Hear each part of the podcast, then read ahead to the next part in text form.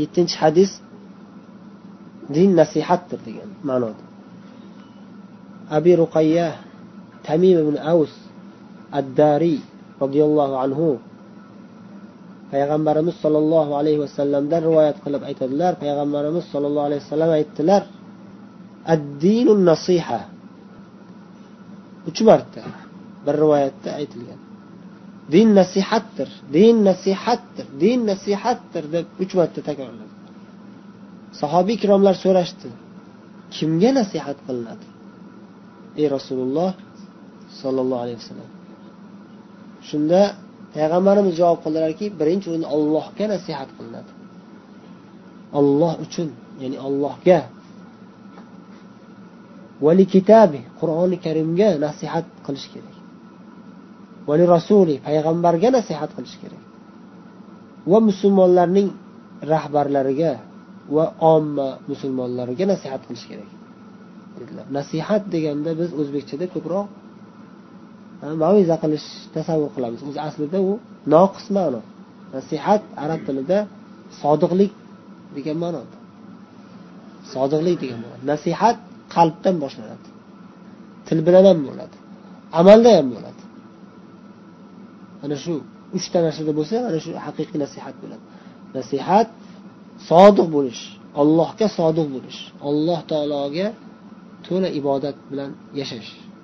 Mana shu nasihat sodiq bo'lish. Nush degan kalimadan olingan nush degani tozalanish. Tillani masalan aralashib ketgan changlaridan tozalash yoki temirlardan tozalash boshqa moddalardan tozalash ham nasihat deyiladi. Sof qilish bir narsani sof qilish top toza qilish. Din insonni pok bo'lishga top toza bo'lishga buyuradi. Nasihat degan allohga sof holatingizda ya'ni qalbingizni soflagan holatda sodiq bo'ling. Olloh buyurgan so'zlarni so'zlang olloh buyurgan amallarni bajaring. Vali kitabi qur'oni karimga sodiqlik va bu narsani ma'nosi juda ham keng. Qur'oni karimga iymon keltirish qur'oni karimni tilovat qilish va qur'oni karim odoblari bilan odoblanish qur'oni karimni boshqalarga ta'lim berish qur'oni karim hukmi bilan hukm chiqarish va hokazo hammasi allohning kitobiga nasihat deganga kiradi. Vali rasuli rasululloh sollallohu alayhi vasallamga nasihat qilish degani ham shunga o'xshash. Payg'ambarimiz sollallohu alayhi vasallamga to'la iymon keltirish u kishini barcha insonlardan ko'ra yaxshiroq ko'rish o'zingizni joningizdan ko'ra afzalroq yaxshi ko'rish va to'la itoat qilish sunnatlariga to'la amal qilish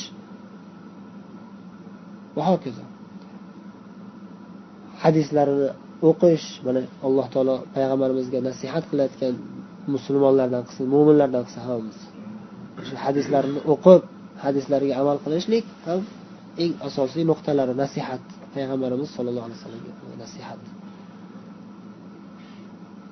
Keyin aytdilarki musulmonlarning rahbarlariga nasihat qilish. Rahbarlarga nasihat qilish ham bir necha turli va bir necha darajali bo'ladi.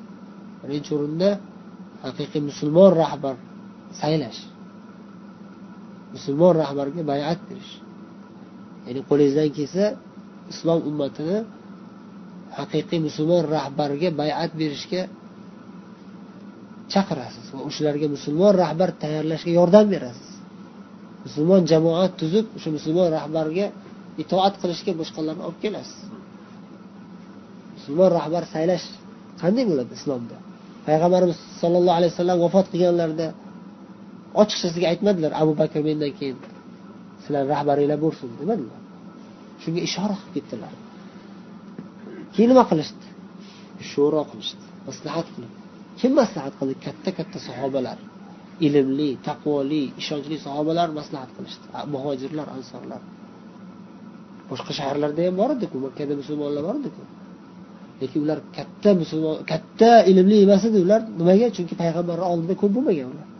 Payg'ambarni oldida muhojir ansor bo'lib ertayu kech payg'ambarimiz bilan bo'lganlar ahli shuro o'shalar maslahatlashishdi. Ilmli taqvoli iymonli butun musulmon ummati ishonadigan odamlar maslahat qilib abu bakrni tanlashdi. Abu bakr men emas umar dedilar taqvo qilib qo'rqib. Umar aytdilarki kallama olinsa ham shu ma'noga ishora qildilar. Siz abu bakr bo'la turma xalifalikka rozi bo'lmayman qochdilar. Abu ubayda ham shu qochdilar. Abu ubayda bo'lsin dedilar abu bakr. Unamadi hamma musulmonlar ya'ni aksariyat deymiz aksariyatlari bir shu abu bakr bo'lsinda abu bakrga itoat qilamiz. Abu bakr rahbarimiz deb turib maslahat qilib tanlashdi. Mana shular hammasini nima qilishdi? Musulmon rahbarga nasihat qilishdi. Keyin unga itoat qilish kerak. Itoat bo'lmasa hammayoq odam og'dar to'ntarib ketadi. Bir kishi rahbar bo'lishi kerak va shunga itoat bo'lishi kerak. Itoat qilish demak musulmon rahbarga itoat qilish kerak va bu itoat haqida rasululloh sollallohu alayhi vasallam juda ko'p hadislarda ta'kidlaganlar. Menga nasihat qiling deb sahobalar kelishganda bir qancha narsani aytib turib amiringga rahbaringga itoat qilgin. Hatto qop qora tanli bo'lsa ham emas boshi xuddi bir qop qora mayizga o'xshagan odam senga rahbar bo'lgan bo'lsa o'shanga ham itoat qilgin. U qora tanli deb kibrlanmagin rahbar tanlash ikkinchi yo'li o'sha rahbar o'zidan keyin o'lishidan oldin mana shu odam sizlarga rahbar bo'lsin shu odam ilm taqvo bo'yicha sizlarni ichinglarda peshqadam deb bilaman. Shunga bayat beringlar desa o'shanga itoat qilish kerak. Chunki siz o'zingiz uni avvalgisini tanlagansiz. O'sha odam nima desa shunga itoat qilaman degansiz bayat bergansiz. Shu odam buyuryapti demak shu odamni so'ziga itoat qilib undan keyin o'sha odam tayinlab ketgan rahbarga itoat qilasiz umarga itoat qilingan abu bakr umarni tayinlab ketdilar. Ularga itoat qilishdi. Uchinchi yo'li endi bu fitnadan saqlanish uchun majburiy holatda itoat qilish kerak bo'lgan rahbar. Bu oxirgi daraja ya'ni qaysidir bir musulmon hokim zolimlik qilib kuch bilan quvvati bilan musulmon davlatni egallab olsa ulamolar katta katta biz aytyapmiz o'n kelgan odam hukm chiqaravermaydi bu odam rahbar deb turib. Ulamolar hal qiladi. Ilmli taqvoli ishonchli islom ummati ishonadigan rahbar ulamolar hal qilib mana shu odamga itoat qilmasak bo'lmaydi endi. Chunki itoat qilmasak qon to'kishlar fitnalar ko'payib ketadi deb itoat qilamiz desa ana shu o'rinda ham itoat qilinadi. Qilich kuchi bilan egallab olgan musulmon hokimga itoat qilishga ulamolar nasihat qilib shu narsani buyurishsa qolgan ummatga shunga itoat qilish farz bo'ladi. Bayat berish deganda albatta kelib qo'liga ushlab sizga bayat berdim deyish shart emas. Bo'ldi o'sha odam bosib oldi egallab oldi yoki ahli shuro shuni rahbar dedi bo'ldi. Qolganlar shunga itoat qilib ketaveradi. Yaqin yaqin odamlar ta'kidlash uchun qo'l berib bayat bersa olloh va rasulining kitobiga allohning kitobiga rasulining sunnatiga binoan sanga itoat qilaman deb seni rahbar deb bilaman desa u afzal bo'ladi. Ixtilofli bo'lgan holatlarda qaysi rahbar haqiqiy rahbar musulmon rahbarlarni ichida bir qanchasi talashyapti man rahbarman bu rahbar yo'q. Talash bo'lsa ba'zi ulamolar aytishadiki o'sha u ham o'zi o'sha ixtilofli bo'lishining sababi ulamolar ham ixtiloflashadi. Hamma ulamolar bir ovozdan so'z chiqarolmaydi har xil sabablar bo'ladi. Taqvo sabab bo'ladi ba'zida. Shu taqvosi sabab bo'lganlardan bittasi sad ibn abi vaqqos ashara mubashirdan birlari ali roziyallohu anhu bilan muoviya o'rtasida ixtilof bo'lganda chekkaga chiqqanlar. Shunga nisbatan haqiqat ochiq oydin bo'lmaganda man aralashmayman deganlarda chekkaga chiqqanlar. Va shunga o'xshagan ba'zi bir misollar bo'lgan. Bunday holatlarda ma'zurlik faqat uzrli bo'lishingiz uchun ya'ni bayat bermasdan chekkaga chiqib o'tirishingizga ruxsat yoki shu narsaga uzr bo'lishi uchun nima bo'lishi kerak? Sizda ilm taqvo bo'lishi kerak. Keladi sad yoqqos oldilariga o'g'illari keladi. O'g'illari kelib siz rasulullohni eng yaqin ashoblaridan bo'lsangiz siz xalifalikka loyiq odamsiz. Mana orqamdan yuz ming odam kelib san dadangga aytgin biz dadangga bayat beramiz deyapti. Yuz ming qilich turibdi deydi. Yuz ming qilich mani orqamda turibdi sizga bayat bermoqchi. Turing bayat bering ummatni boshqaring deydi.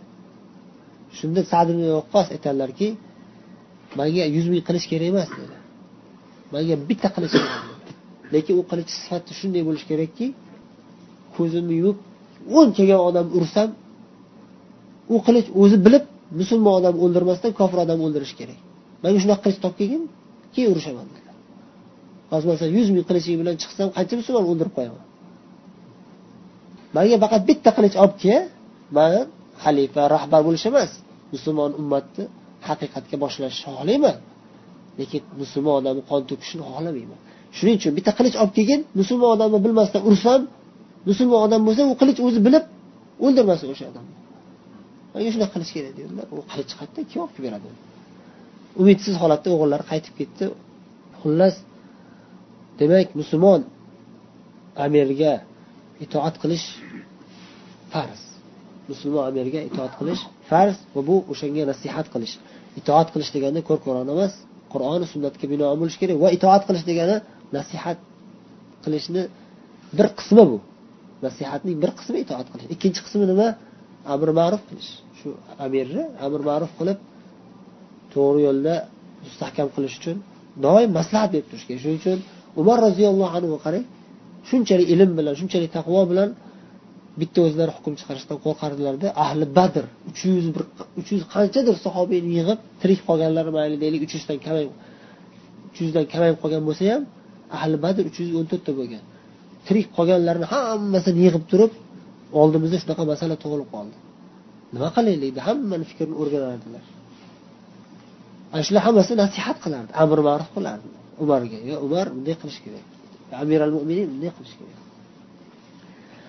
Mana shu ham nasihatni bir turi. Omma musulmonlarga nasihat qilish buni hammamiz to'g'ri tushunsak kerak inshaalloh hammamiz bilamiz. Ya'ni musulmon odamlarni doim ollohni yo'liga rasulullohni sunnatlariga tortib o'shalarni nasihat qilish kerak. Va birodarlik huquqini rasululloh sollallohu alayhi vasallam ko'p hadislarda aytganlar.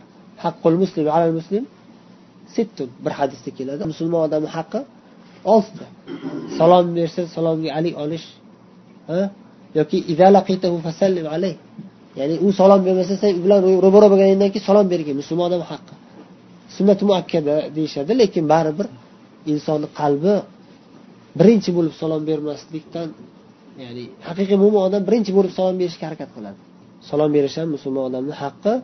Nasihat bu ham kasal bo'lsa ziyorat qilish o'lsa janozasida qatnashish to'yga chaqirsa to'yiga javob berib borish va hokazo bilasizlar musulmon haqqi mana shu haqqi musulmon odam haqqini ado etish musulmon odamni yaxshi ko'rish musulmon odamga demak nasihat bu hadisning qisqacha ma'nosi va sharhi mana shunday endi hadisi sharifning arabcha matniga yana bir bor quloq solamiz عن ابي رقيه تميم بن اوس الداري رضي الله عنه أن النبي صلى الله عليه وسلم قال الدين النصيحة. قلنا لمن؟